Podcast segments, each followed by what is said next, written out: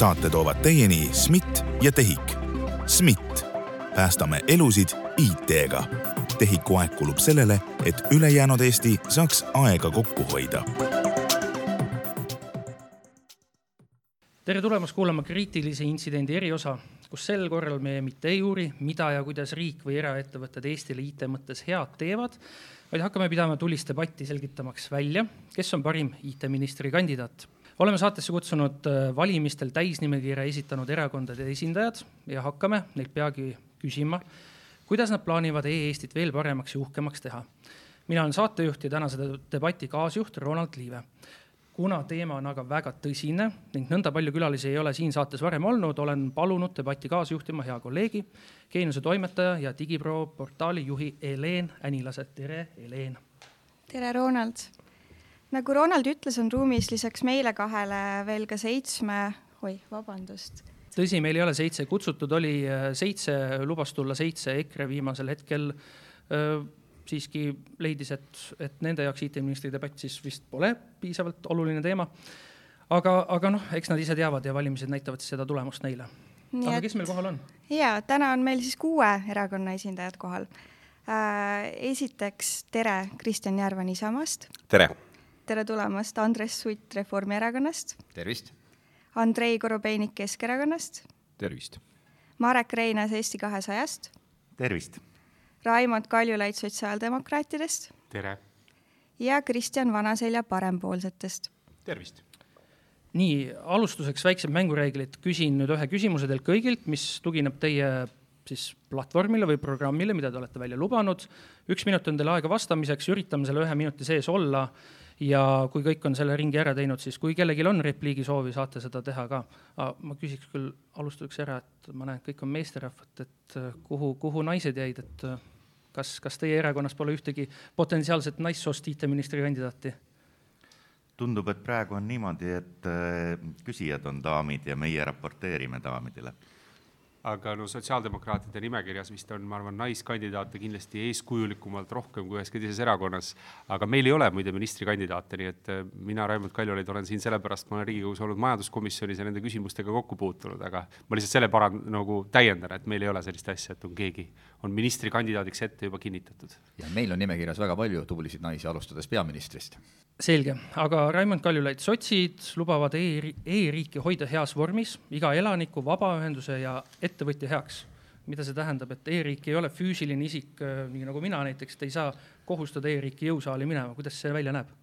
no selle asja taust on tegelikult see, et äh, me kõik ju teame, äh, et Eestis selle e-riigi taristu ja see nii-öelda back-end, mida kasutaja ei näe noh, ütleme siis nii, et võib olla erineva kvaliteediga ja erineval määral kaasajastatud ja, ja erineval määral hooldatud aja jooksul.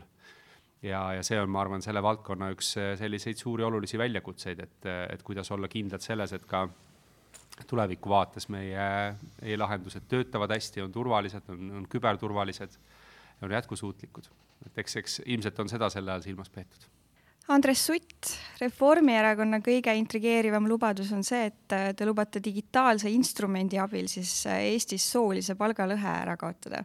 mis see siis tähendab, et kas äh, ehitate mingi tehisintellekti, mis siis näiteks Maksuametile ütleb, et Jüri saab Kajast rohkem palka ja seetõttu tuleks Kajale äkki natuke palka juurde anda ma arvan, et tehisintellekt äh, aitab tulevikus meil väga palju asju edasi ja, ja kindlasti aitab tehisintellekt äh, ka sooliste ja, ja igasuguste muude palgalõhedega.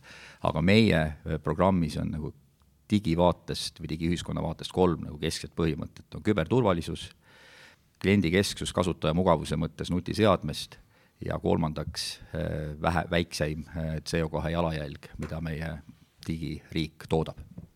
Andrei Korobeinik Keskerakond on Isamaa kõrval üks väheseid või ainsaid siis erakondi, kes on digiteemade jaoks on programmis ka eraldi peatüki teinud. samas räägite seal isejuhtivate autode asemel isesõitvatest, ehk siis terminoloogiline eksitus on teil, ning lubate teha ära asju, mis on juba tehtud või siis töös. aga mis on see uudne asi, mida te siis tegema hakkate? no kui näiteks äh, isejuhtivatest autost rääkida, siis äh, Eestis puudub praegu seadusandlus, mis võimaldab neid testida ilma inimeseta. et sarnased äh, lahendused on olemas näiteks äh, Ameerika Ühendriikides või Iisraelis et meil peab olema inimene kõrval, kes võib-olla autot ei juhi, aga juhul, kui midagi äh, avarii juhtub näiteks, siis ta vastutab äh, selle eest ise, et äh, päris mitmed firmad on tegelikult huvi tundnud äh, selle võimaluse siis osas, et äh, testida autosid näiteks Rakveres, aga seda võimalust meil praegu ei ole. Seal on äh, tegelikult äh, päris põhjalik programm tõepoolest äh,, mida me oleme teinud koostöös ka teiste organisatsioonidega ja juhul, kui seda, seda kõike saab teha, siis kindlasti praegune areng kiireneb, et ma arvan, minut on otsa saanud ka Marek Reinaas, äh, Eesti kahesajaga on ka selline lugu, et te lubate teha asju oma programmis, mis on juba tegelikult töös. Ja samas, mis me veel leidsime, on see, et te lubate tiigrihüppele elu uuesti sisse puhuda. et mis see siis tähendab, miks meil on jälle vaja Eestis rääkida tiigrihüppest? tõepoolest, Eesti oli väga edukas üheksakümnendate lõpus, selle sajandi alguses oma tiigrihüppega ja digitaliseerimisega kahjuks me peame ju nentima seda, et äh, äh, võib-olla see hoog ei ole jätkunud äh, nii innukalt, nagu me oleksime lootnud ja ma arvan, et kõik, kes on e-riigi teenuseid tarbinud, teavad väga hästi, et teinekord need nupud ei pruugigi nii väga hästi seal töötada ja, ja kõik need andmebaasid ei ole omavahel seotud. nii et mina arvan küll, et selle jaoks, et Eesti oleks äh, tõeline e-riik, peame me oluliselt rohkem äh, ja oluliselt kiiremini äh, edasi minema selle tiigrihüppega ja kõik teenused viimagi vajaduspõhiseks sellisel moel, et inimesed saaksid neid teenuseid täpselt siis ja täpselt niimoodi, nagu neil vaja on, mitte niimoodi, et kõigil ühtemoodi. Kristjan Vanaselja, ma tunnistan, et parempoolsetega oli mul kõige keerulisem. ma tean, et te ise olete nagu iduettevõtluses tegutsenud pikalt-laialt ja peaks teadma, et võiks ka mingine selline veebileht olla, kus saab midagi nagu leida, seda teilt ei leia. Teil pole programmi, ärme hakka nüüd sellest äh, siin arutlema, kas on või ei ole, aga äh, te ütlete välja, et üks teema on, et IT-ga korruptsiooni vastu võitlemine. Ma ei ole päris kindel, kas see on nagu selline asi, millega valijaid äh, praegustel valimistel kõnetada, et kas see oli teema, mida Lavly Perling nagu nägi, et see on nagu suur probleem ja nüüd siis IT on lahendus võib-olla algatuseks tasub öelda, et äh, hoolimata sellest, mida, mida me detailselt äh, seitsmekümnele või kaheksakümne leheküljele kirjutame, siis äh, parempoolsete näol on kogu Eesti e-riigile ja meie tehnoloogiasektorile ja, ja Eesti e-riigi edasiviijate, viijatele väga tugev partner tegelikult olemas. ehk siis me oleme selgelt seda usku, et meie järgmine majanduskasv tuleb äh, tehnoloogia kiiremast kasutuselevõtust, tuleb äh, innovatsioonist ja, ja olles oma programmis tegelikult selgelt välja öelnud, vist ka ainukese erakonnana, et meie, meie kõige suurem huvi on ja soov on tegelikult panna Eesti majandus kordades kiiremini kasvama, kui ta seni on seda teinud, siis, äh, siis tehnoloogial on seal kindlasti väga suur osa. kui vaadata kas või Ukrainat täna, siis äh, tehnoloogia äh, avatud riik, riik, äh, läbipaistev riik, mida tehnoloogia aitab saavutada, on kindlasti korruptsiooni äh, vastu võitlemisel väga oluline äh, aspekt. ehk siis, et see on tegelikult see, mida, mida me selle punkti all silmas peame. nii, Kristjan Järvan. Isamaal on midagi väga huv-, uut ja huvitavat programmis, et te räägite nimelt lahendustest, mis kasutaks siis e-spordi kasvavat populaarsust ära Eesti riigi turundamisel et kuidas te plaanite seda teha nii, et nüüd mõne, mõni kuu pärast alustamist ei tule teha pivotit, sellepärast et mingid aspektid näiteks jäid alguses läbi mõtlemata? ja äh, nagu te teate, siis Isamaa mõtleb oma kõik äh, suured lubadused ikkagi äh, pingsalt ennem läbi, kui midagi lubame. ja tegelikult see on väga asjakohane, et et sport on sport, et kas olgu see malesport või olgu see hoopis e-lahendustega sport, aga tegelikult äh, lisaks kultuuriobjektidele on ka väga palju sisulisi ja majanduslikku teemaid, äh, kus, kus IT-d saab rohkem kasutada.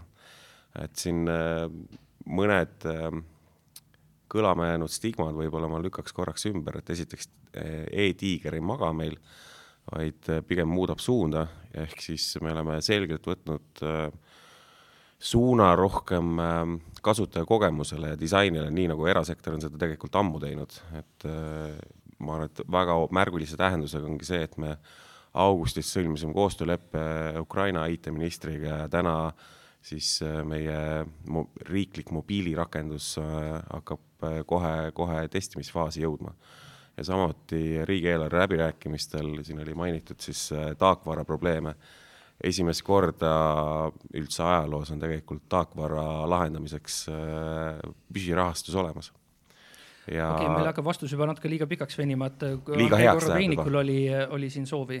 ja see on tõepoolest liiga hea vastus, et äh, kui me vaatame seda, kuidas tegelikult riik võiks kasutada IT-võimekust, siis, siis selline peamine suund on kahtlemata äh, protsesside automatiseerimine, mis tähendab seda, et ametnikke peaks vähem äh, olema, et meil viimastel paaril aastal on ametnike arv kasvanud üle ühe protsendi aastas. ehk siis neid tuleb aina juurde, mis tähendab seda, et, äh, et kõik see, mis praegu kõlas, äh, tegelikult absoluutselt ei toimi äh,. ja kui me, kui me räägime sellest kasutamismugavusest, äh, siis tõepoolest äh, Eesti.ee on saanud lõpuks ometi mobiilväljundid, aga kui sinna sisse minna, siis me avastame, et see töölaud on täiesti tühi.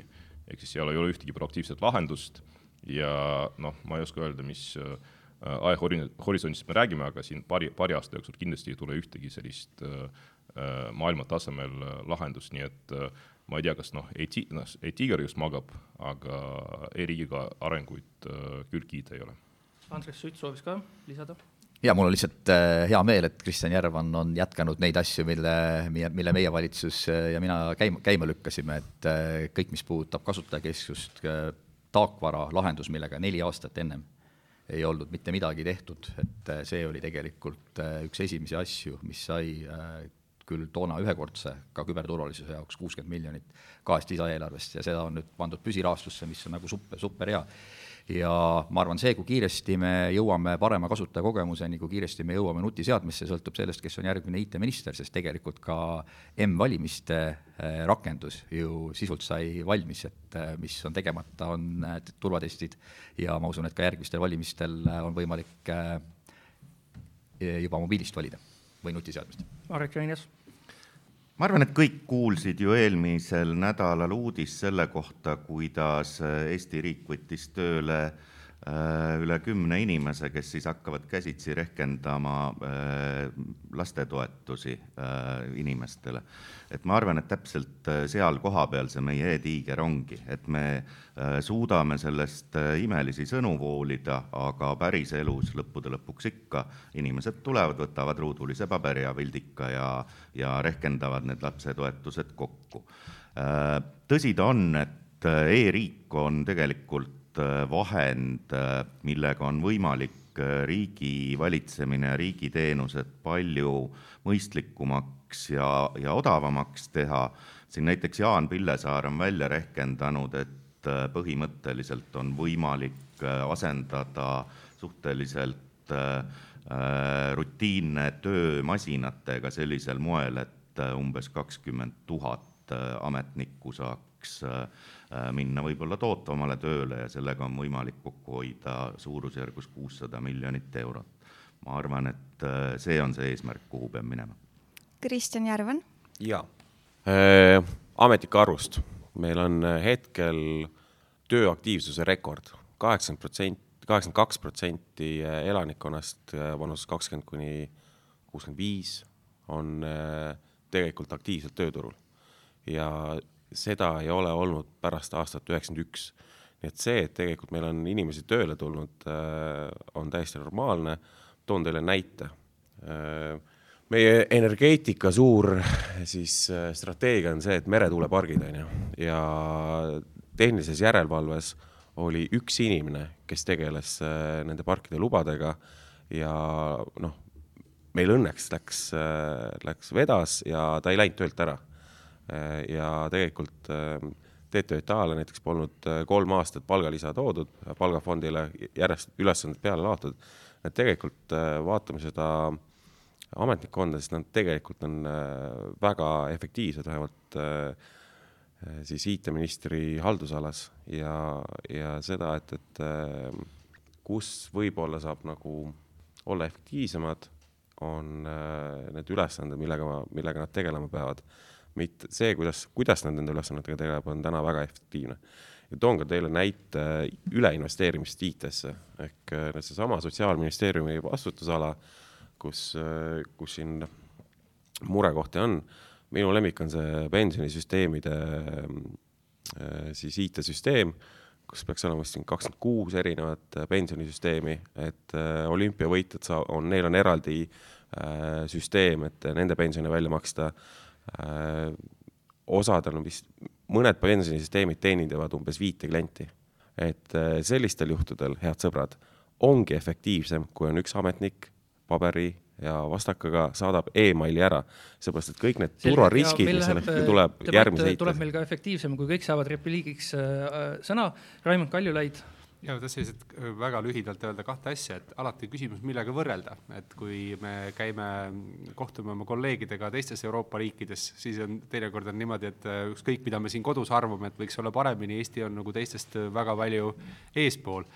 Aga siin ei saa nagu poliitikast mööda minna, et ma tuletaks meelde, et meil on ees Riigikogu valimised, peab vaatama, ma arvan, ka tagasi eelmisele neljale aastale, et kaks tuhat üheksateist olid viimased Riigikogu valimised, pärast seda äh, oli meil kõigepealt IT-minister, kes valetas parlamendile, pidi tagasi astuma selle pärast äh, seoses oma nõuniku palkamisega, siis saabus järgmine IT-minister, äh, kes minu meelest tegeles, sisustas oma aega peamiselt e-riigi vastu võitlemisele, proovis välja selgitada, et kuidas ikkagi seda e-valimistega täpselt petetakse, et, et ja, ja seda Reformierakonda valimisvõitu tagatakse. no lahkus ametist ilmselt seda teadmist ta ei saanudki, et midagi ei ole teha. Eesti inimeste poliitilistel valikutel võivad olla ka väga otsesed tagajärjed ka e-riigi jaoks, et halvema stsenaariumi korral saame jälle IT-ministri, kes tegeleb ikkagi selle küsimusega, et kuidas ikka nendel e-valimistel petetakse, et see tuleb välja selgitada. halvemal juhul või paremal juhul saame inimese, kes päriselt seda valdkonda edasi viib nii, ja anname ka Kristjan Vanaseljale sõna siin. jah, ma arvan lihtsalt repliigi korras seda öelda, et, et mis, mis meid tegelikult Eestis on edasi viinud ja, ja, ja ma arvan, et mida, mida me ühiskonnana peame nagu tunnustama, me oleme suhteliselt nõudlikud, suhteliselt nõudlikud nii oma riigi, riigi juhtimise kui ka tegelikult nende samade IT-lahenduste osas.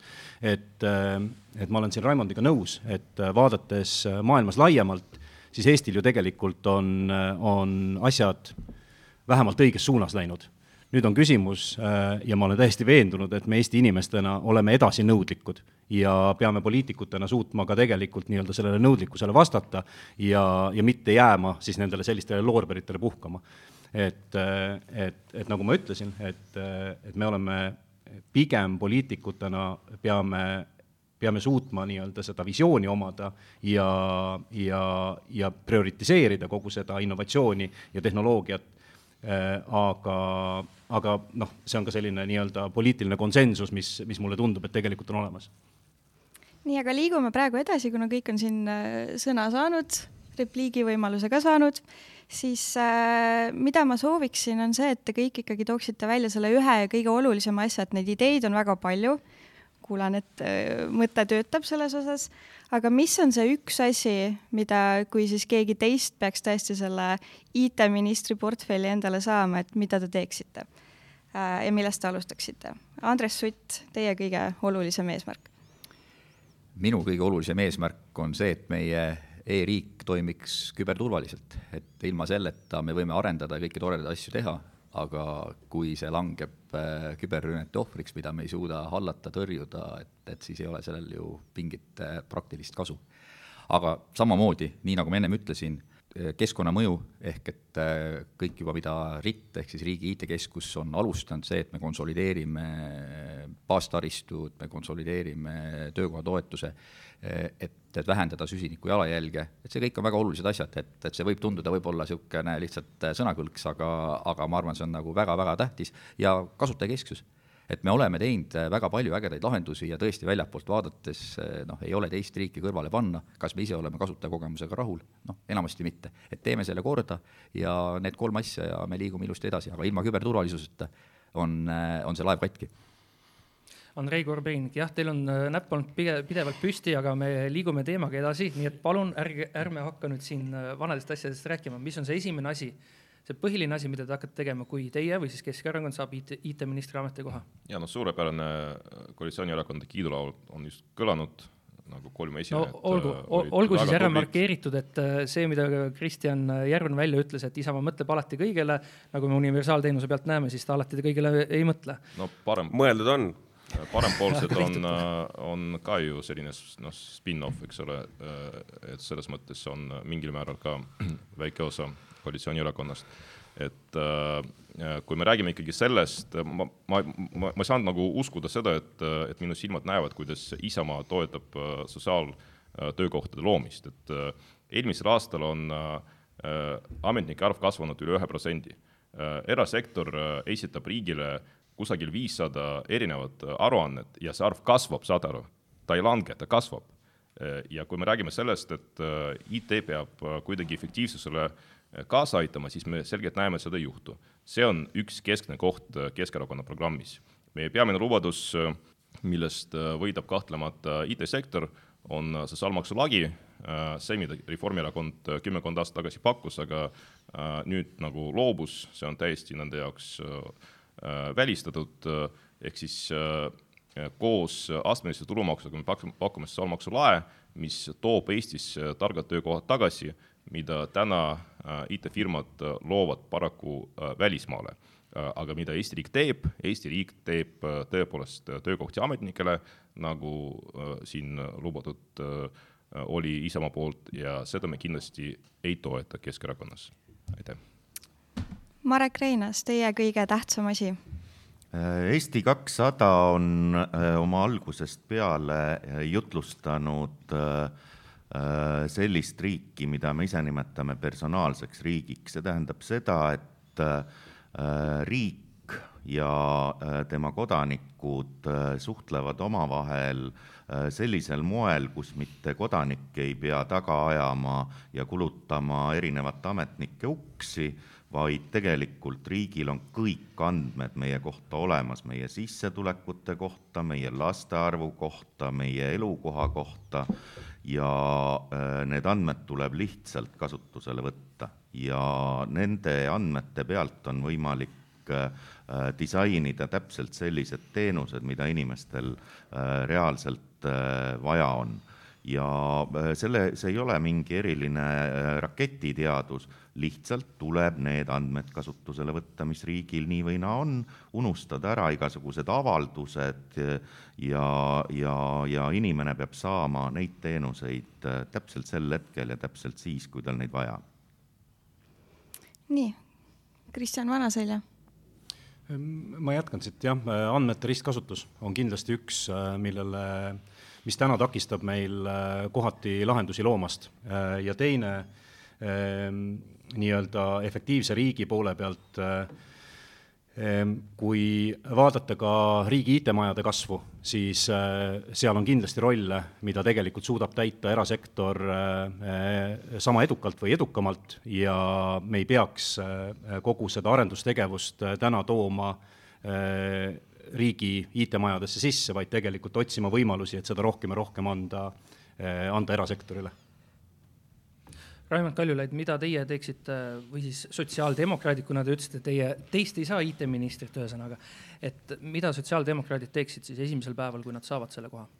no ma arvan, et äh, Andres Suti tähelepanek, et küberjulgeolek äh, on ilmselt järgmise nelja aasta ja võib-olla, ma ütleks võib-olla järgmiste kümnendite number üks küsimus. Äh, see on täiesti õige et see keskkond tegelikult muutub meile järjest äh, keerulisemaks, järjest ohtlikumaks. Äh, ilmselt äh, Venemaa-poolne see kübersõda, mis, mida me täna näeme, see läheb, läheb aina edasi. sellepärast, et see on üks neid võimalusi, kuidas nad saavad mõjutada ka Ukrainat aitavaid riike väga otseselt ja seda nad püüavad kõigiti teha mingit suurt edulugu seal täna ei ole olnud, aga, aga millalgi tulevikus neil õnnestub ikkagi kuskilt läbi murda tõenäoliselt ja, ja selle kahjuga toimetulemine Äh, saab olema, ma arvan, päris keeruline väljakutse siis ka Eesti valitsusele, kui see juhtuma peaks, me loodame muidugi, et ei juhtu. Ja teine küsimus on loomulikult see, et äh, tehnoloogiasektori areng, et äh, kui Eestis vaadata majandust, kus meil üldse need kasvuvaldkonnad on, sellised potentsiaalsed, siis tehnoloogia on, on nagu üks kõige olulisemaid, et noh, seal kõrval saab rääkida, eks ole, metsa või puidu väärindamisest, seal ilmselt edasi minnes saaks midagi teha, energeetikas on meil olulisi, olulist edu võimalik saavutada, aga see tehnoloogiasektor nagu jääb ja nende jaoks on, on olnud ja ilmselt, ilmselt jätkuvalt on, on sellised küsimused nagu tööjõu, et Eestisse toomine jätkuvalt on küsimus, kuidas see käib noh, meil on üks mõte näiteks see, et võiks olla maailma tippülikoolide lõpetajatele eraldi viisa, eks piltlikult öeldes, kui sa oled väga hea ülikooli lõpetanud inimene, noh, mis me siis ikka sind enam siin nüüd hindame, et kas sind on Eesti majandusele vaja või mitte, eks ole, noh, küllap, küllap siis, kui keegi tahab sind siia tuua, küll sa siis oled nagu kasulik inimene. Ja samamoodi ka kõigi nende teenuste edasiarendamine, et inimestel oleks võimalikult lihtne sujuvalt siia töötajaid tuua, et nad pääseksid, saaksid lasteaiakoha ja, ja tervishoiu ja. kõike teha esimesel päeval ega esimesel nädalal ka mitte no te küsisite, mis see peamine suund on, et noh, et küberjulgeolek no, ja, ja, ja avatus tööjõule, eks ole, jah. Kristjan Järvan, Isamaa praegu hoiab äh, juba seda ametikohta, kas te lihtsalt jätkate praeguste teemadega või tuleb midagi uut lauale? toon äh, kolm prioriteeti ja siis ühe repliigi. Äh, loomulikult Isamaa jaoks on samuti turvalisus oluline prioriteet on oluline tegelikult majanduse areng, millest on huvitav, et siin väga nagu ei räägitud ja kolmas on see kasutajamugavus Äh, no veidi täpsemalt, turvalisuse osas tegelikult äh, Riia saab ülihästi hakkama. et äh, kui kõik räägivad julgeolekust ja, ja teemadest, me peame rohkem sinna investeerima, siis mis mõju te olete saanud sellega, et meil on küberrünnakud praegu igapäevaselt massiivselt toimunud? et tegelikult Riia CERT tiim on ääretult tublid olnud ja kõik need investeeringud, mis on tehtud, on tegelikult ennast täiesti ära tõstnud, kus seal puudujääk minu arust on millest me peaksime rääkima, on tegelikult pigem äh, küberkuritegevus, mis küll on siseministeeriumi vastutusalas, aga, aga näiteks äh, kui ma räägin E-kaubandusliiduga, siis nad ei julge rääkida, et neid on rünnatud. Need on seal äh, väiksed rünnakud, viiesaja eurosed lunavararõhud ja nad ei räägi sellest. mis majanduse mõttes on, tööstus on meil viiskümmend kuus protsenti lisandväärtusest Euroopa keskmisest. me peame digitaliseerima tööstust, et tõsta seda lisandväärtust kuhu meil kasutajamugavus läheb, ma arvan, et sündmusteenused ja rohkem asju automaagiliselt. Ja nüüd repliik, mis ma lubasin, et jaa, rist, andmete ristkasutus ja kõike seda on kohe kuulda, et ta lihtsalt ei ole seal ise lähedal olnud, sest enamus selliseid asju, kus tuleb mitu korda küsida, tuleb mingitest Euroopa Liidu nõuetest, kus vorm on ette antud ja sa ei tohi seda muuta. Ja sellepärast sa küsidki mitu korda. Et noh, see muinasjutt, et oi, nüüd tulevad uued poisid ja teevad kohe ära, et see on väga nunnu loomulikult seal on asju teha, aga, aga, aga tõesti, et äh, tulge ja ma tutvustan teile. kuna Andres Sutil ja kuna ta on ka endine minister, kes on seda ametit hoidnud, näpp oli püsti, siis palun kiire repliik. Äh, ja ma lihtsalt selle andmete ristkasutuse koha pealt äh, nii palju, et see kõik on äh, võimalik, tuleb natukene nügida ja need, need asjad juhtuvad, aga ma tahaks ühe asja repliigi korras nagu ära õiendada, et see kuussada miljonit, mida on võimalik leida säästuna siis äh, ametnike äh, koondamisest, et lihtsalt ma tahaks seda rehkendust detailis näha, sest kokku ametnike peale, kaasa arvatud õpetajad, pääste, kõik muud ministeeriumid, kulub aastas kaks miljardit. kui me ka-, kui me kaotame ära kõik ministeeriumid ja ametid, siis äh, me vabaneme kahesaja seitsmekümnest miljonist ehk me jõuame poole rehkenduseni, et mulle igal pool saab efektiivsust tõsta, kahe käega selle poolt. aga kui keegi ütleb, et on viis-kuussada miljonit, siis ma sooviks näha seda rehkendust. niikaua, kui seda rehkendust ei ole, on see tühi number, aitäh. kuule, elektrit saab ka kolme sendiga, vaata, kõik on võimalik. oli see mingi loosung, on ju? Äh, liigume nüüd natukene edasi, see küber ja selline sideturvalisuse teema käis meil küll äh, juba läbi siit ka vaikselt, aga ma küsiks hoopis sellise nurga alt, et, et et äh, Eestis on väga haavatavad meie merealused äh, sidekaablid. mida plaanivad parempoolsed ehk siis Kristjan Vanasel ja mis on teie plaan selles osas, et, et Venemaa ei lõikaks meie merealused kaablid läbi? no fakt, et, et me elame sellise agressiivse riigi naabruses, äh, ei muutu ka tulevikus. ma pean ausalt tunnistama, et ma ei tea Äh, mis see äh, hea lahendus nende, nende merekaablite äh, kaitseks on. ja, ja tõenäoliselt läheksin ministriks saades esimese asjana küsima, mida me seal teha saaksime. ja, ja uuriksin selle, selle lahenduse välja. aga nii-öelda kogu see, see küberturvalisuse ja, ja meie julgeoleku küsimus jääb mitte ainult järgmiseks paariks-kolmeks-neljaks aastaks, vaid nagu ma ütlesin, meil naaber ei muutu ja me peame selleks olema ka tulevikus äh, pidevalt valmis. anname repliigi võimaluse ka Kristjan Järvanile. jaa, tänud. ühesõnaga, siin tuleb eristada, mis on Euroopa tasandi lahendused, võib-olla natuke ka NATO, aga, aga pigem Euroopa ja, ja siseriiklikud lahendused. tegelikult Euroopa tasandil käivad läbirääkimised selleks, et tuleks USA-Soome kaabel ja et see hakkaks liikuma läbi Balti riikide siis Sise-Euroopasse.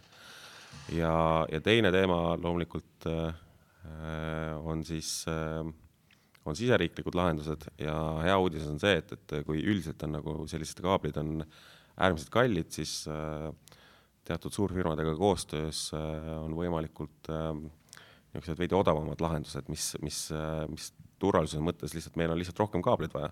et see, et kuskil äh, keegi oma kogemata oma seda ankrut lohistab ja asjad lähevad katki, et, äh, et mulle hästi meeldis Singapuri IT-ministri suhtumine küberturvalisusesse, et et äh, pigem eelda, et teid on juba häkitud ja käitu vastavalt, mitte niimoodi, et teeme kõike seda, et see mitte kunagi ei juhtuks. ja oluline märksõna siin on ka satelliitsõda, satelliitside ehk ähm, kaablit äh, saab äh, mingis mõttes dubleerida satelliitsidega ja sellega tegelikult me keskvalitsuse tasandil väga hoogsalt tegutseme.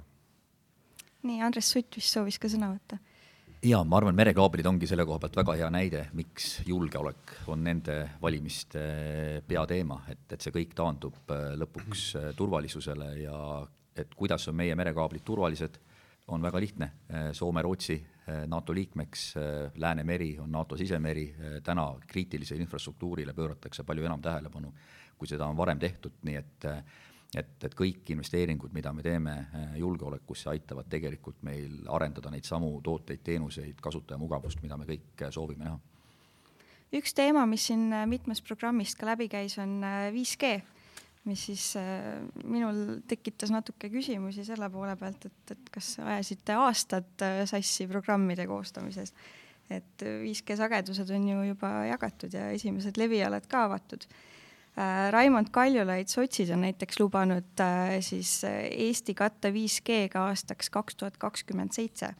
kas hakkate ise internetti pakkuma? kas ma tohin nende merekaablite osas ka vastata, et see lihtsalt on, on tegelikult äh, nagu ülioluline küsimus, et et selles mõttes äh, hea kolleeg Andres Sutt mainis ka seda Soome ja Rootsi NATO-ga liitumise aspekti, aga millega ma ei ole nõus, on see, et, et noh, see on väga lihtne et ei ole lihtne, tegelikult see on üle NATO praegu äh, väga suur probleem, sellepärast et äh, mered on suured, laiad ja avarad ja, ja seal selle taristu kaitsmine väga keeruline. et ma juhin tähelepanu sellele, et äh, me kõik ilmselt saame aru, et Nord Stream ühe ja kahe plahvatused korraldas Venemaa. ja ma arvan, et isegi tänaseks me saame aru võib-olla, miks nad seda tegid aga seda tegelikult usutavalt neile omistatud täna ei ole, ehk siis ei ole olemas seda, seda nagu kindlat faktilist tõendit, millega me saame öelda, et see on kindlalt Venemaa ja sellest äh, tekib järgmine probleem, et, et kui nüüd midagi sellist peaks korduma meie taristuga, siis me peaks ju sellele kuidagiviisi vastama, aga kui me ei suuda seda isegi omistada äh, või see on väga-väga keeruline, siis kuidas sellele vastata. nii et tegelikult, kui me räägime konkreetselt sellest meie ühendustest ja Balti merest, siis tõepoolest Soome-Rootsi NATO-ga liitumine annab meile selle võimaluse, et need mereseirevõimekusi ja, ja, ja ka mereturvalisust ja merejulgeolekut olulisel määral tõsta aga kindlasti see ei ole lihtne ja kindlasti see ei juhtu kiiresti, et see on aastaid ja aastaid arendusi militaarpoolel, mis on väga keeruline. nüüd teie küsimus selle 5G juurde tulles äh, ja aasta kaks tuhat kakskümmend seitsme, seitsme juurde tulles, siis äh, jah äh,, jah, huvitav tähelepanek, aitäh teile selles suhtes, et kui on vaja sellist copywriterit, kes siis sotside netile hakkab nime välja mõtlema, et siis mul on mõned variandid ka, et kodanikuvõrk näiteks, sotsnet. või, või siis äh, arvestades sotsiaaldemokraatide ajalugu ikkagi niisugune August Rei nimeline kiire internet, äh, mis siis on kõigi telefonis, et tuletab meelde sotsiaaldemokraati Eesti riigi ühte loojat August Reid. kui te seda hea hinnaga pakuksite, siis äh, jah ja,. kolm senti kilovatt ütles mis peab olema selle interneti hind. nii, väga palju on siin näppe püsti olnud, aga anname ka Marek Reinasele sõna, et äh, Eesti kahesajal millised äh, küberturvalisuse alased mõtted teil peas on? Äh, me ju Ukrainas näeme, mismoodi äh, üks asi on selline kineetiline sõda, aga mida Venemaa Ukraina suhtes ju kasutab, on eelkõige rünnakud taristu suhtes. noh, on see siis kaablid, on need elektrivõrgud, on need gaasivõrgud ma arvan, asi, mida sealt Ukrainast õppida ongi, on see, et tõepoolest need rünnakud taristu pihta tulevad, juhul kui Eestisse ühel või teisel moel siis sõjakõmin jõuab. Nüüd mismoodi äh, neid taristuid kõige paremini kaitsta, ma arvangi, et äh, äh, siin me räägime ju kogu riigi julgeolekust ja ma arvan, et Eesti NATO-ga ühinemine omal ajal, aga loomulikult ka Soome ja Rootsi ühinemine on selle üheks äh, abimeheks. Ja teine asi, me peame nagu väga selgelt ütlema, et rünnakud taristu suhtes on tegelikult rünnakud äh, NATO riigi suhtes ja see, selle peale tuleb vastavalt reageerida Andrei Korobeinik, teil on näpp on väga palju püsti, ma tean, te tahate rääkida kõigi kohta, et mida, mida nemad nagu... Siin valesti räägivad, ikkagi seda. ma absoluutselt ei taha, noh, kui, kui ma kohe sõna ei saa, siis mis ma, mis ma hakkan nagu meenutama asju, mis just annangi teile sõna. viisteist minutit tagasi, noh, see on, kõik juba unustasid seda mida siis äh, Keskerakond arvab äh, küberturvalisuse, kübertest on meil olemas, mida on teile pakutud, väga paljud riigiametnikud on teinud, kas teie arvates peaksid ka näiteks perearstid sellise testi läbima?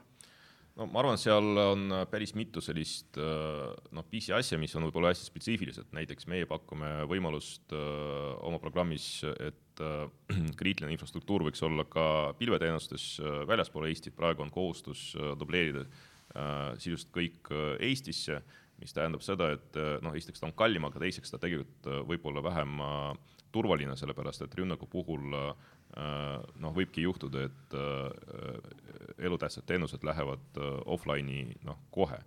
ja teiseks, mis puudutab seda, mida siin noh, ütleme nagu te sotsiaaldemokraadid ründasite, siis noh, tegelikult noh, kiire internet, 5G on vajalik kiire interneti Äh, kasutamiseks ju seal, kus seda praegu ei ole ja tegelikult see on äh, noh, väga oluline suund, et äh, noh, meie näeme seda, et planeeringute puhul näiteks peaks arvestama ka sideteenustega, mida täna ei ole, ehk siis täna, tänane kiire interneti areng tihti seisab selle taga, et see, need torud, kuhu kaablid saab panna, on ühe konkreetse firma käes.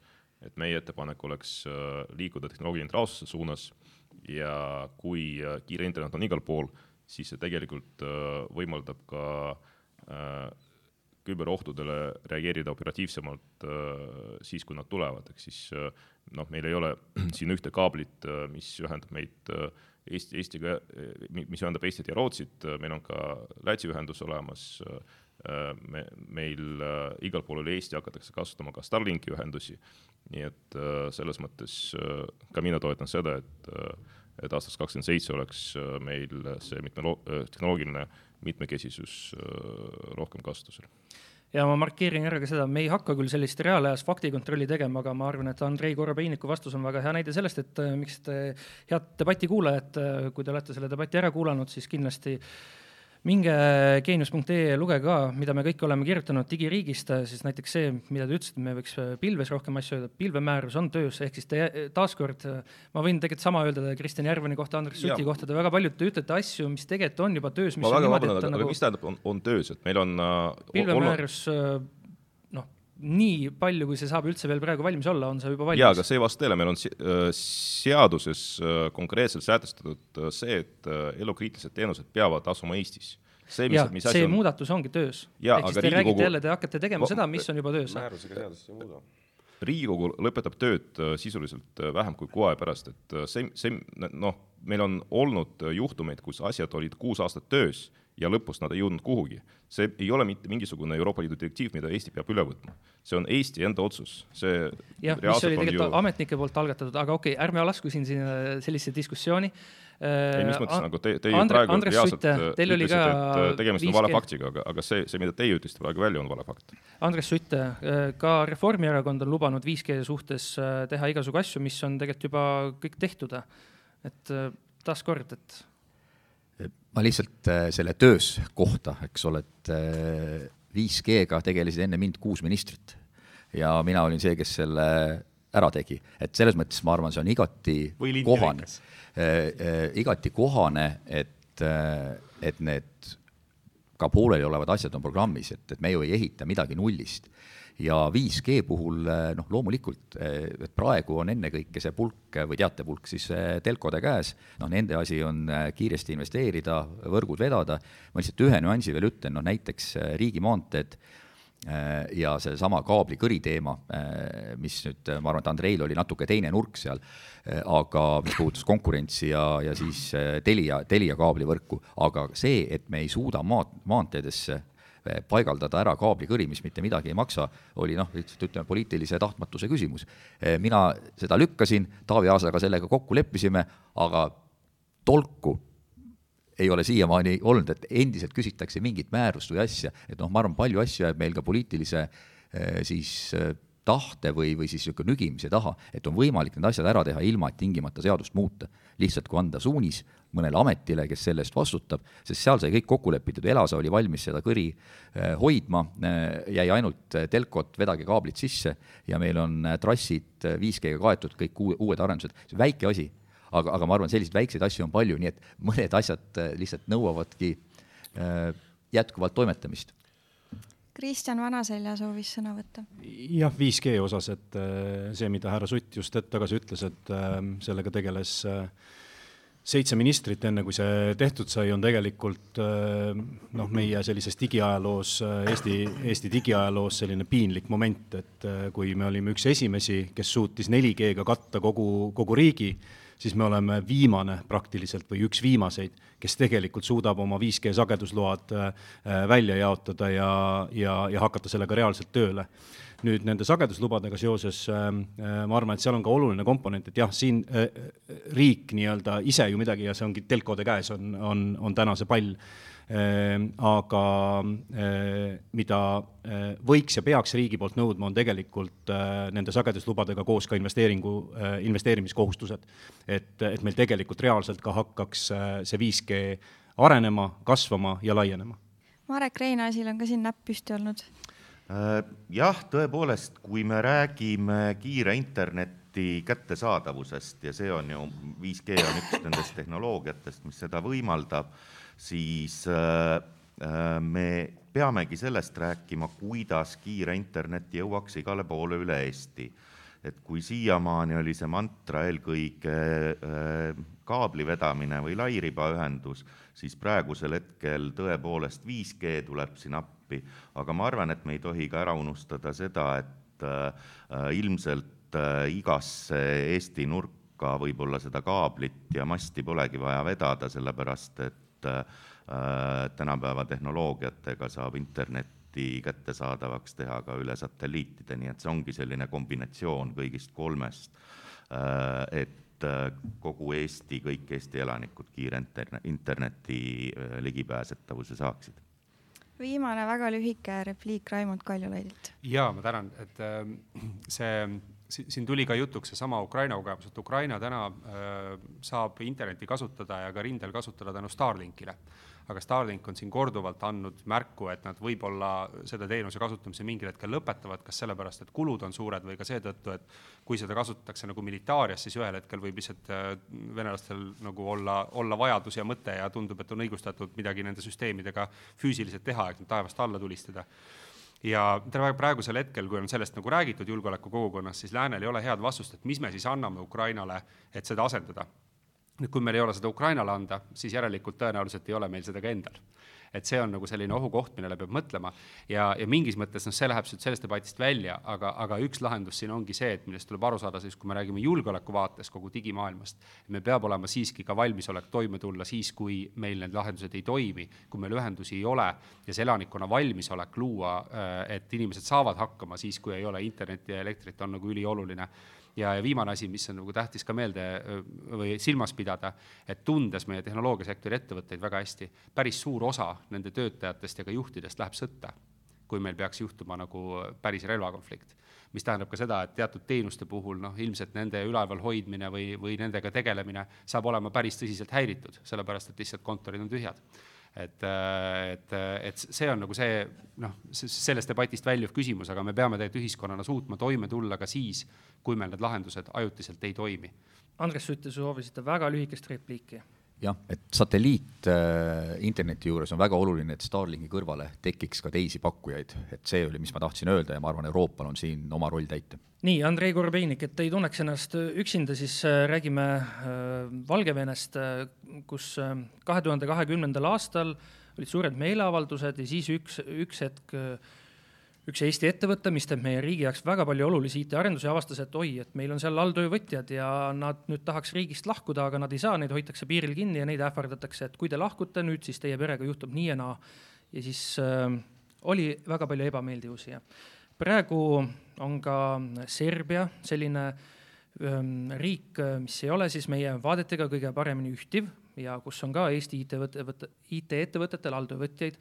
kas äh, on veel selliseid riike, mis on nii-öelda halvas nimekirjas ja mida teie siis IT-ministrina pigem ütlete ette, et riigihanke käigus, kui mõni ettevõte hakkab midagi riigi jaoks arendama, IT-arendusi, siis vot neis riikides ei tohi teil alltöövõtjad olla? Mhm. ei, ma arvan, see on ikkagi iga firma enda valik, Serbias on äh, muidu ju valimised toimunud äsja, et äh, noh, loodetavasti see kurss ka muutub natuke, et äh, ma siin vahepeal kontrollisin muidugi, et äh, geenius.ee tellimus maksab kakskümmend seitse eurot ja ta soovitas, nagu teie soovitus oli tutvuda nende faktidega, et noh, ma olen nagu hästi murelik, et, äh, et need olid ju valed faktid, mis te, miks te nagu välja, välja tõite.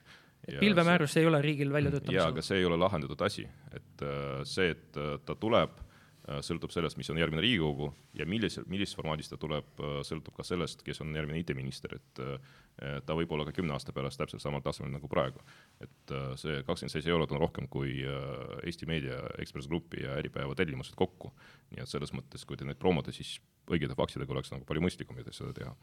aga ma arvan, et see, mis viga oli tehtud Valgevene ajal, kus toimus äh, Äh, tõepoolest äh, suur äh, IT-inimeste migratsioon Euroopasse oli see, et Eesti pakkunud selliseid eriprogramme, nagu seda tegi Leedu või Läti ja meie jäime seal siis noh, sellest võimalusest ilma ja võib-olla ei tulnud appi ka mõnedele inimestele, kes, kes tegelikult noh, pidid lahkuma Valgevenest nende samade põhjuste puhul, mida te praegu mainisite, et võib-olla sellest veast me peame järeldusi tegema ja tulevikus, kui noh, midagi sellist juhtub, siis me võiksime nagu teise pilguga seda vaadata nii, aga ma arvan, et siit on paslik äh, edasi liikuda e-residentsuse teemaga.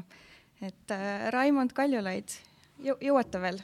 ja ma jah, pean vabandama, pean hästi natukene varem lahkuma, et see jääbki minu viimaseks repliigiks, et sotsiaaldemokraadid kindlasti e-residentsust äh, soovivad edasi arendada loomulikult julgeolekuolukord on muutunud, me peame nagu mõtlema täiendavalt selle peale, selle aspekti peale ka, aga ma arvan, et äh, ei, ei ole kindlasti arukas ja mõistlik seda ennast äh, tõestanud ja, ja, ja, ja väga sellist äh, head algatust nüüd, nüüd kuidagi kinni panna või, või lasta selle millegi, millelgi selle tulevikku ohustada, et, et sellega tuleb kindlasti edasi minna aga teie mõtted selle osas, et kas seal tuleks nüüd seda sõela näiteks kuidagi tihendada, kes üldse saavad e-residentideks? no sõela tuleb meil tihendada kahjuks absoluutselt igas mõttes, et, et nii nagu me oleme selle parlamendi koosseisu jooksul ja, ja, ja selle parlamendi koosseisu jooksul ametis olnud valitsuste poolt on tehtud otsuseid sellesama 5G tehnoloogia osas, on tehtud otsuseid selles osas, kuidas me teatud teatud riikide tehnoloogiasse suhtume Äh, nii nagu me oleme teinud otsuseid sõja algusest, äh, keda me siia riiki üldse lubame, milliseid viisasid me väljastame, äh, nii täpselt samamoodi me peame ka järgmise nelja aasta jooksul, ma arvan, päris paljudes valdkondades veel, veel täiendavaid igasuguseid kontrolle looma, et, et siin pole, pole nagu midagi parata, et sama on tegelikult ka äh, Äh, ka sisejulgeolekuga, et, et paratamatult ega meie jaoks äh, on suuri, suuri väljakutseid, millega nagu nelja aasta jooksul tuleb toime tulla. aga veel kord, et ma arvan, et me ei peaks nagu laskma äh, võita sellel suhtumisel, et, et e-residentsus tervikuna ongi üks äh, väga kahtlane ja hämar tegevus ja, ja parem praegusel äreval ajal siis see täielikult kuidagi noh, kas siis äh, lasta tal raugeda või, või kinni panna, et, et see oleks kindlasti viga, et e-residentsust tuleb ikka edasi arendada. aga mina jah, omalt poolt tänan väga, väga ägeda debati eest, aga ma pean minema lihtsalt Riigikogu tööd tegema, et, et need veel viimased nädalad oleks kõik ilusasti korraldatud seal majas ka. nii, aga aitäh siis Raimond Kaljulaidile ma küsin siit kohe Kristjan Järvani käest äh, järgmiseks, et äh, e-residentsus, siin on, kui neid programme vaadata, et siis pigem jäi mulle kui ajakirjanikule posi-, positiivne mulje sellest, kuidas seda teemat käsitletakse, aga samas tuleb siin ka kohe alguses ära märkida, et Riigikontroll näiteks oli oma kahe tuhande kahekümnenda aasta auditis üsna kriitiline ja kohe-kohe on ju lahkumas ka e-residentsuse juht. Et mis me teeme edasi selle e-residentsusega, mis on Isamaa seisukoht, kas jätkame või, ja mis kujul või lõpetame üldse ära? jaa, nii nagu tegelikult Isamaa programmis on selgelt äh, kirjas, siis me jätkame selle e-residentsuse programmiga.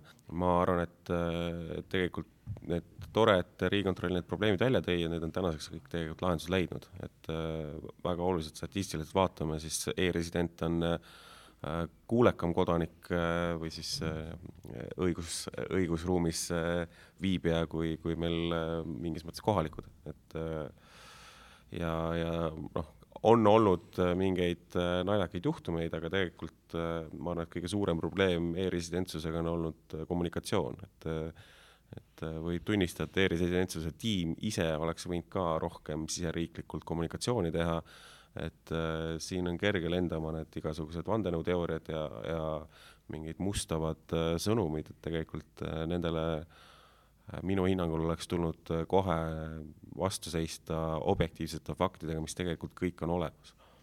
Marek Reinaas, palun Äh, ega e-residentsus ei ole asi iseeneses, et noh, et nüüd äh, vaid see, mida me ju e-residentsusega pakume ja võib-olla ka ekspordime, ongi meie Eesti mõnus, mugav ja ettevõtjale sobilik majanduskeskkond äh,. ja e-residentsus ei saa olla populaarne sellepärast, et et äh, Eesti on kihvt riik ja lahe on olla e-resident, vaid äh, ta saab olla ainult siis populaarne ja äge, kui meie majanduskeskkond on selline, äh, mida inimesed tahaksid tarbida ja, ja, ja kasutada. nii et ma arvan, et e-residentsus on väga äge projekt ja sellega peab igal juhul edasi minema, ainuke asi, et me peame kindlalt hoolitsema ka selle eest, et meie majanduskeskkond oleks selline, mis äh, kogu selle e-residentsuse ära tasub. Kristjan Vanaselja, teie ise olete ju iduettevõtjana kätt proovinud, et mis, mis teie seisukoht on?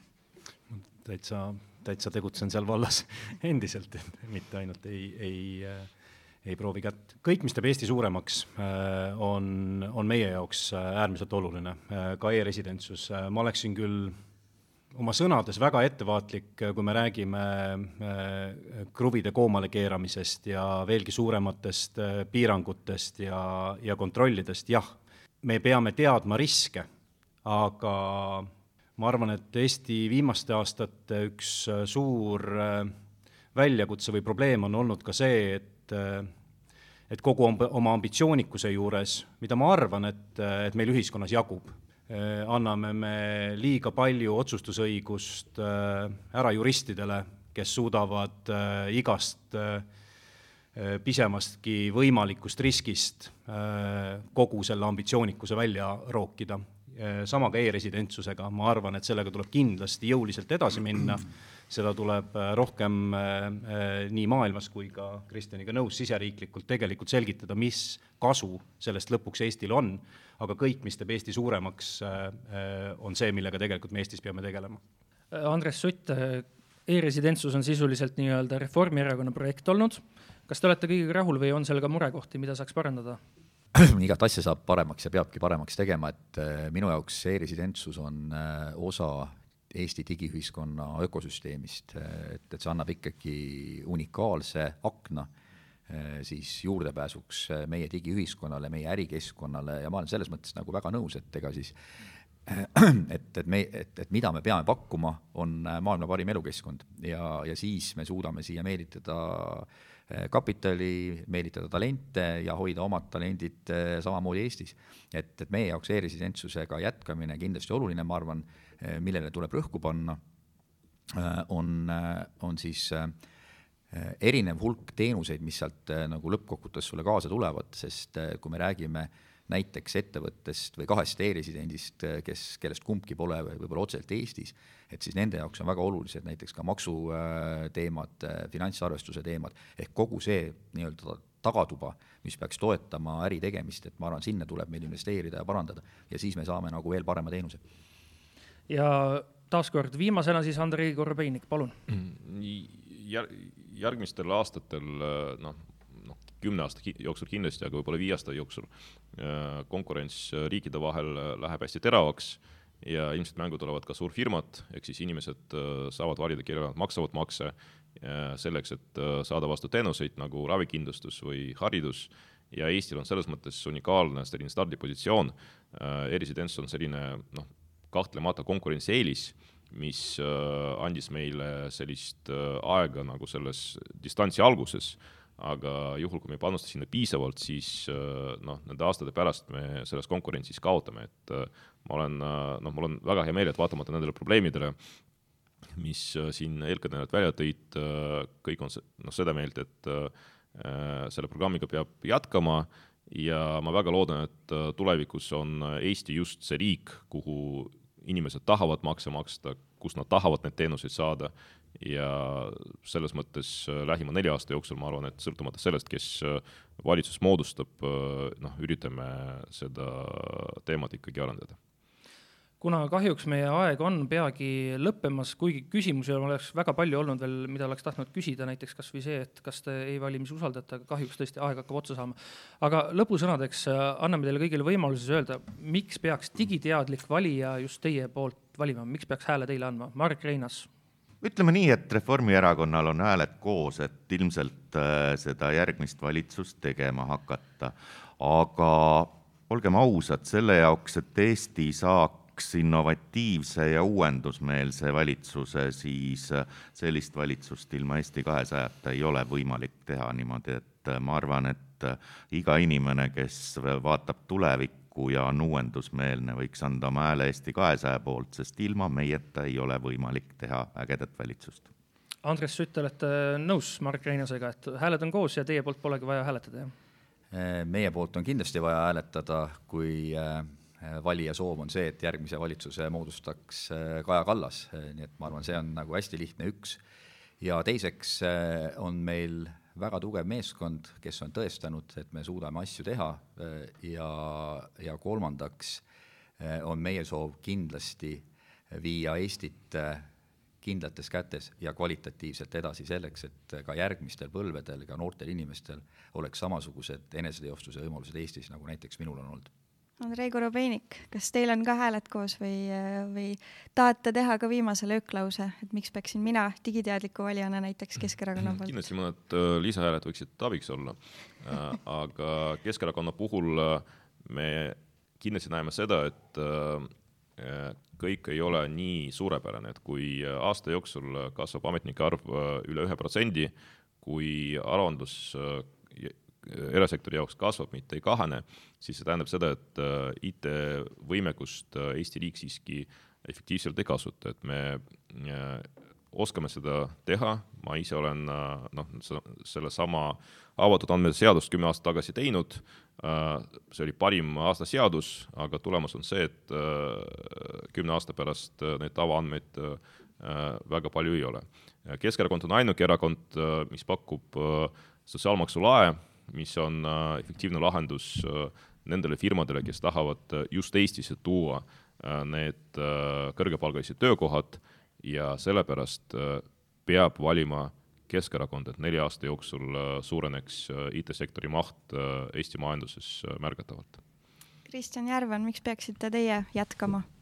no te ju kõik teate, et ega konservatiivsele valijale on tegelikult IT ka väga oluline, aga tõepoolest, kui siin konservatiivsete erakondade võrdluses äh, üks erakond võib-olla ei olnud kõige suutlikum äh, IT-ministri positsiooni äh, siis ähm, ütleme nii, et tegusid teha, siis Isamaa, ma arvan, et on ikkagi päris rahul, et selle viimase poole aastaga tõepoolest on nii küberturvalisuse osas suured sammud tehtud, kui ka tegelikult päriselt ka see e-tiiger on kasutajasõbralikkuse poole astunud ja, ja need Emri äpid on tulemas, samuti meil on äh, juba prototüübina tulemas maanteelõik, kus on need äh, kaablid sees, et äh, tõepoolest vahepeal tekkis niisugune eilsete uudiste kuulamise tunne siin, et ja, ja tegelikult hästi olulisel teemal on ikkagi see, kuidas nii nagu Euroopa analüüs ütles, Eesti e-riik on tegelikult päris heal tasemel, aga meie ettevõtlus digitaliseerimise osas vajab kaasaaitamist. ja ma arvan, et et see on kindlasti üks fookuskoht, kuhu kahtlemata ka Isamaa tahab panustada rohkem. Kristjan Vanaselja, miks peaksime parempoolsetele võimaluse andma? nagu ma selle saate alguses või debati alguses ütlesin, siis parempoolsete näol on, on selgelt Eesti e-riigi ja, ja tehnoloogiasektori jaoks äh, nagu väga tugev äh, partner ja, ja õlg olemas, et, äh, et me oleme selgelt ühel pool rindejoont nendega ja, ja, ja soovime seda e-riiki edasi arendada. Mis võib-olla olulisem meie jaoks on see, et me jõuaksime reaalselt ka äh, nendest suurtest sõnadest äh, või juba tehtu ülekordamisest või tegevuses olevate ülekordamisest tegelikult nagu, nagu järgmise sammu edasi võtta. meil on vaja oluliselt aktiivsemalt tegeleda sellega, et targad nutikad inimesed tahaksid siia tulla. see ei ole ainult sotsiaalmaksu lae küsimus, vaid tegelikult see on äh, pikas perspektiivis tööjõumaksude alandamine Äh, protsent protsendi haaval, et me suudaksime neid inimesed, inimesi siin ka hoida. see on äh, investeeringute siia meelitamine, see on tegelikult innovatsioonikeskuste siia meelitamine, siia loomine ja ainult sealt ja ainult sealt saab tulla see Eesti suur järgmine majanduskasv. Äh, need on bitid ja baidid, mida me liigutama hakkame ja, ja sinna tuleb riigil oluliselt rohkem fookust ja tähelepanu suunata ja võtta see teema riigi peamiseks prioriteediks suured tänud kõigile, kes meil leidsid täna aega, et tulla siia debatti, olgu öeldud siis, kutse said äh, kõik seitse erakonda, kes täisnimekirja esitasid, ähm, üks neist siis jäi, jäi viimasel hetkel tulemata. aga head kuulajad, teile oluliseks, oluliseks meeleks peaks on see, et e-hääletamine saab hakata alates kahekümne seitsmendast veebruarist ning õige valimispäev on viiendal märtsil.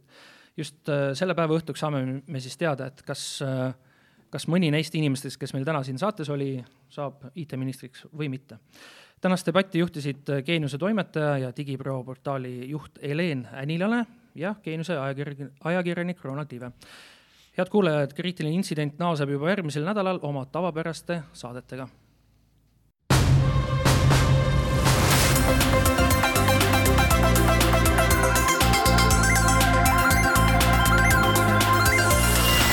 saate toovad teieni SMIT ja TEHIK.